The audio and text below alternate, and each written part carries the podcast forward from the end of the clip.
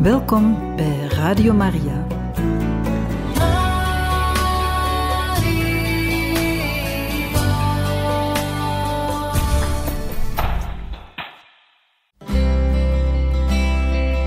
Welkom bij Boekat, een programma van Radio Maria.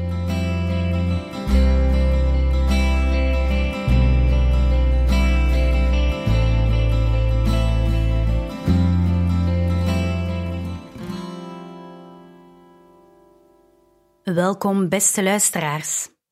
Vandaag gaan we lezen uit het boek Het paard en de jongen. Het is een derde deel, een derde boek van de Chronieken van Narnia, geschreven door C.S. Lewis. De Chronieken van Narnia, geschreven door C.S. Lewis en vertaald door Madeleine van den Bovenkamp Gordeau en uitgegeven door uitgeverij Kok in Kampen. Boek 3 Het paard en de jongen. Hoofdstuk 6 Shasta rende op zijn tenen het dak over. Het was gloeiend heet aan zijn blote voeten. In een paar seconden was hij aan het eind van het dak op de muur geklauterd en toen hij bij de hoek kwam, keek hij omlaag in een smal, stinkend straatje. Daar lag een hoop vuilnis tegen de buitenkant van de muur, precies zoals Corrin hem verteld had. Voordat hij naar beneden sprong, keek hij nog even snel om zich heen om te zien waar hij was. Hij was nu blijkbaar over de top van de eilandheuvel heen, waarop Tashbaan was gebouwd. Voor hem uit liep alles naar beneden, allemaal platte daken onder elkaar, omlaag tot aan de torens en schansen van de noordelijke stadsmuur. Daarachter stroomde de rivier en aan de overkant ervan was een lage helling die bezaaid was met tuinen. Maar daar weer achter lag iets zoals hij nog nooit had gezien. Een groot, geel-grijs iets, zo vlak als een kalme zee, dat zich kilometers ver uitstrekte. Aan de overkant ervan zag hij hoge blauwe dingen, groot en met hakkelige bovenkanten, en sommige hadden witte toppen. De woestijn. De bergen, dacht Shasta.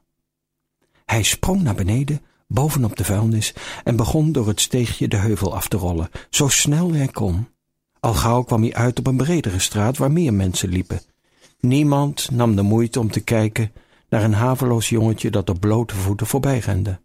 Toch kneep hij hem en voelde zich niet op zijn gemak totdat hij een hoek omsloeg en voor zich uit de stadspoort in het oog kreeg. Nu werd er tegen hem aangeduwd en gedrongen, want er wilden een heleboel mensen naar buiten. En op de brug buiten de poort schuifelde de mensenmassa nog maar heel langzaam vooruit en leek het meer alsof ze ergens voor in de rij stonden.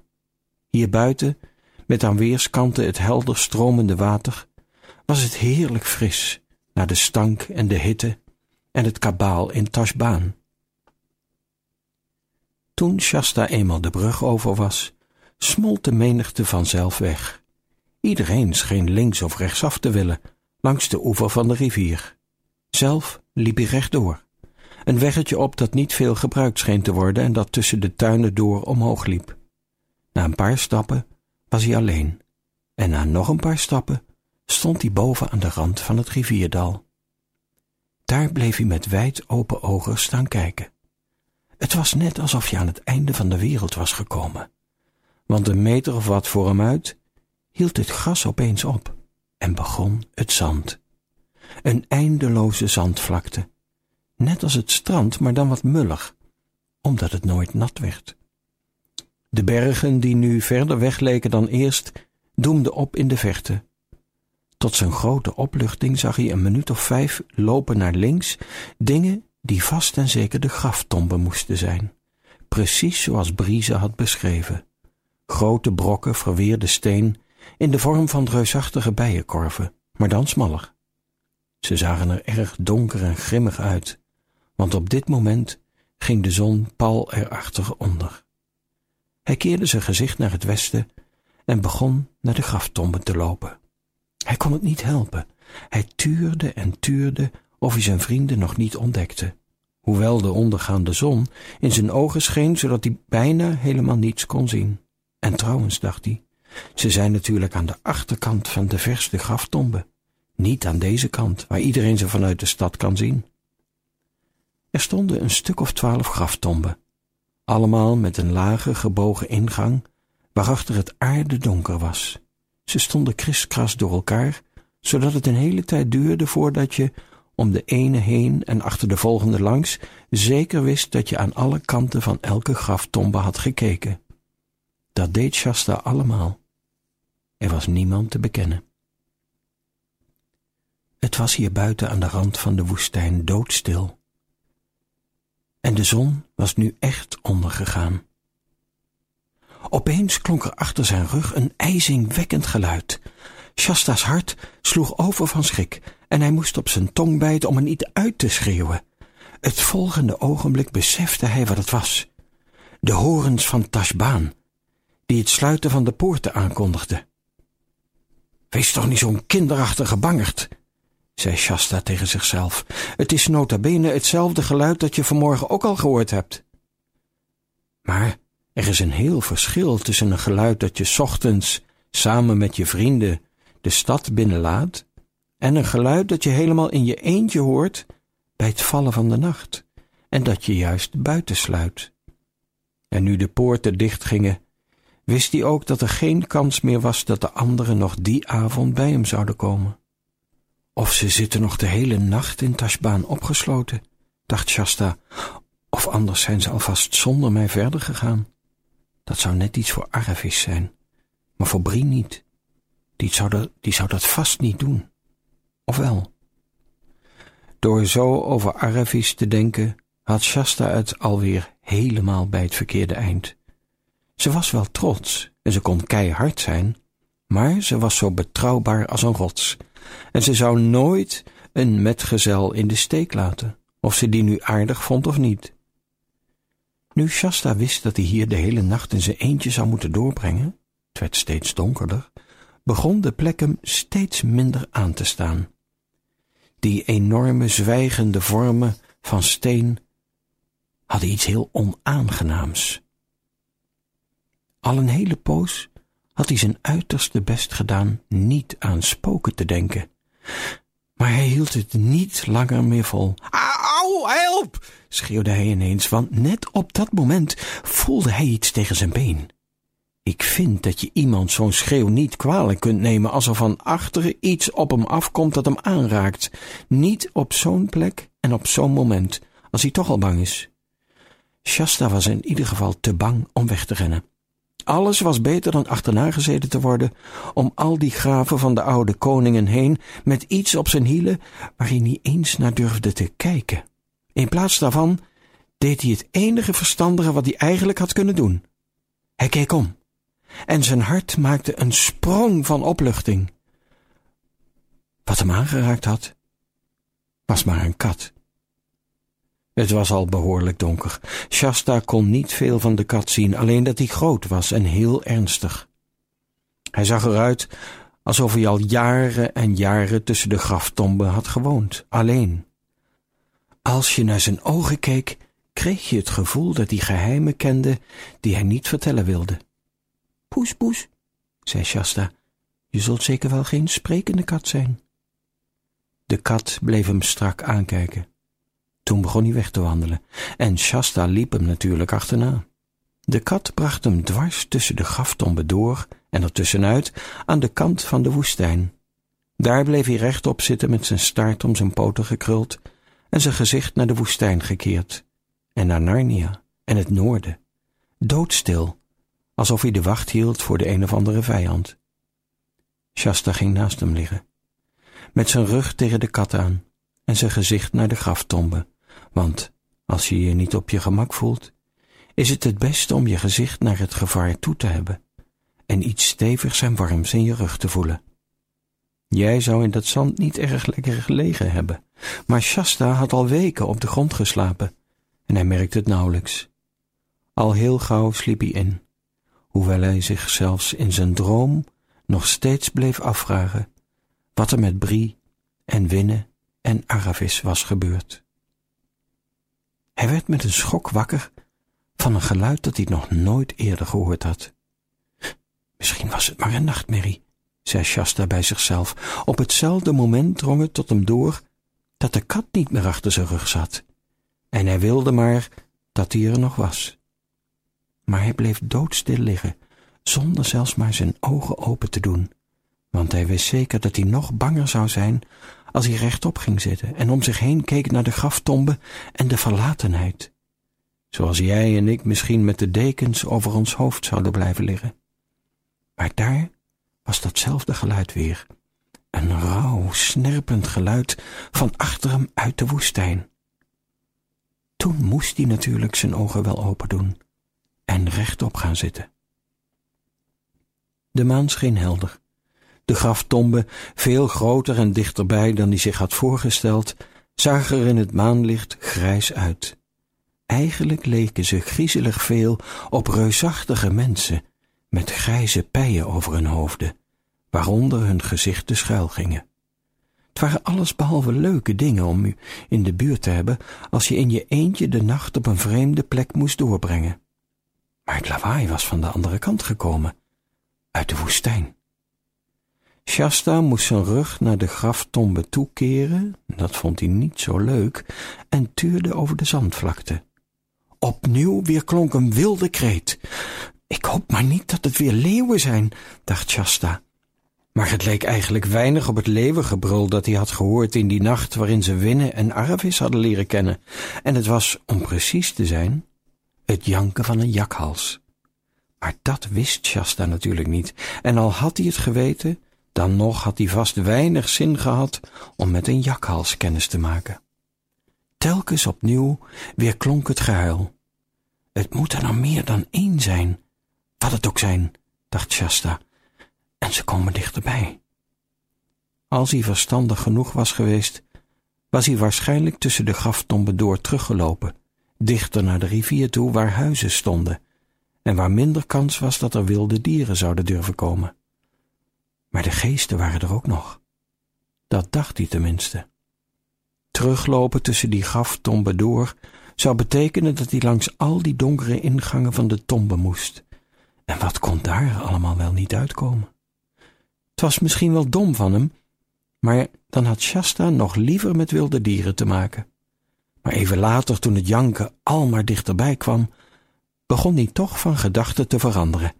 Hij wilde het juist op een lopen zetten, toen er opeens tussen hem en de woestijn een reusachtig dier kwam aanspringen. Omdat de maan achter het dier stond, zag Shasta alleen een zwarte omtrek en kon hij niet zien wat het was, alleen dat het een heel grote, ruige kop had en op vier poten liep. Het dier leek Shasta niet gezien te hebben, want opeens bleef het staan, draaide zijn kop naar de woestijn en stootte een gebrul uit dat weer galmde tussen de graftomben en waarvan het zand onder Shasta's voeten trilde. Het janken van de andere beesten hield opeens op en hij dacht dat hij het geluid van wegvluchtende poten hoorde. Toen draaide het geweldige dier zich om om Shasta te bekijken. Het is een leeuw. Ik weet zeker dat het een leeuw is, dacht Shasta. Nu ben ik er geweest. Oh, zou het erge pijn doen. Ik wou maar dat het voorbij was. Ik vraag me af of er nog iets met je kan gebeuren als je dood bent. Oh, daar komt hij aan. Hij kneep zijn ogen stijf dicht en klemde zijn tanden op elkaar maar in plaats van tanden en klauwen voelde hij alleen dat er iets warms aan zijn voeten kwam liggen. En toen hij zijn ogen opendeed, zei hij: Hé, hey, hij is lang niet zo groot als ik dacht. Nog niet half zo groot. Nee, nog niet een kwart. Oh, het is die kat maar. Ik heb het zeker maar gedroomd, dat hij wel zo groot als een paard was. En of hij nu echt gedroomd had of niet, wat er nu aan zijn voeten lag en hem met grote groene waakzame ogen strak aanstaarde, was inderdaad de kat. Al was het beslist een van de grootste katten die hij ooit gezien had. O, poes, zuchtte Shasta, wat ben ik blij dat ik jou weer zie. Ik heb zo verschrikkelijk eng gedroomd. En meteen ging hij weer met zijn rug tegen die van de kat aan liggen, net als aan het begin van de nacht. De warmte van het dier trok helemaal door hem heen. Ik zal nooit meer iets gemeens met een kat doen, zolang ik leef, zei Shasta, half tegen de kat en half tegen zichzelf. Dat heb ik een keer gedaan, zie je. Ik heb een keer met stenen gegooid naar een oude, uitgehongerde, schurftige zwerfkat. Hé, hey, hou daar nou mee op! Want de kat had zich omgedraaid en hem een haal met zijn klauw gegeven. Schei uit, zei Shasta, je kunt niet eens verstaan wat ik zeg. Toen dommelde hij weer in. En toen hij de volgende ochtend wakker werd, was de kat verdwenen. De zon was al op en het zand al heet. Shasta had erg gedorst. Hij ging overeind zitten en wreef zijn ogen uit. De woestijn was verblindend wit, en hoewel hij achter zich ver weg vaag het rumoer van de stad kon horen, was het waar hij zat volkomen stil. Als hij een beetje naar links keek, naar het westen, zodat de zon niet in zijn ogen scheen, kon hij de bergen zien aan de overkant van de woestijn, zo helder en scherp dat ze maar een steenworp van hem afleken. Eén blauwe bergtop, die van boven verdeeld was in twee pieken, viel hem speciaal op. Hij besloot dat dat de berg Pier moest zijn. Die kant moeten we op, volgens wat de raaf vertelde, dacht hij. Dus zal ik maar vast zorgen dat we dat nog weten als het zover is. Dan hoeven we geen tijd te verliezen met zoeken als de anderen komen. Daarom trok hij met zijn voet een duidelijke, diepe, rechte streep in het zand, die recht naar de berg Pier wees. Het volgende wat hij moest doen, dat sprak vanzelf, was iets te eten en te drinken zoeken. Shasta liep tussen de graftomben door terug. Ze zagen er nu heel gewoon uit, en hij vroeg zich af hoe hij er ooit bang voor had kunnen zijn, en de heuvel af naar de tuinen aan de oever van de rivier. Er liepen wel wat mensen, maar niet veel, want de stadspoorten waren al een paar uur open, en de vele mensen die ochtends vroeg de stad binnen wilden, waren er al. Daarom kostte het weinig moeite het een en ander buit te maken, zoals Brie het noemde. Hij moest daarvoor over een tuinmuur klimmen en het leverde drie sinaasappels, een meloen, een paar vijgen en een granaatappel op. Daarna ging hij verder naar beneden, naar de rivier, maar niet te dicht bij de brug, en dronk wat. Het water was zo heerlijk fris, dat hij zijn hete, vuile kleren uittrok en er even inging. Want Shasta, die zijn hele leven aan zee had gewoond, had natuurlijk al bijna leren zwemmen zodra hij lopen kon. Toen hij eruit kwam, bleef hij in het gras over het water liggen kijken naar Tashbaan, met al zijn kracht en pracht en praal. Maar dat deed hem ook weer denken aan de gevaren ervan. Opeens bedacht hij dat de anderen misschien wel bij de graftombe waren aangekomen terwijl hij aan het zwemmen was. En zonder mij verder gegaan. Dat zou me niet verbazen. Dus kleedde hij zich haastig aan en rende zo hard terug dat hij alweer helemaal heet en dorstig was toen hij aankwam, zodat er niets meer over was van de koelte van het zwemmen. Zoals meestal als je alleen bent en ergens op wacht, leek deze dag wel honderd uur te duren. Hij had natuurlijk genoeg om over na te denken, maar als je zo in je eentje zit en alleen maar nadenkt, schiet de tijd niet erg op. Hij dacht veel na over de Narniërs en vooral over Corin.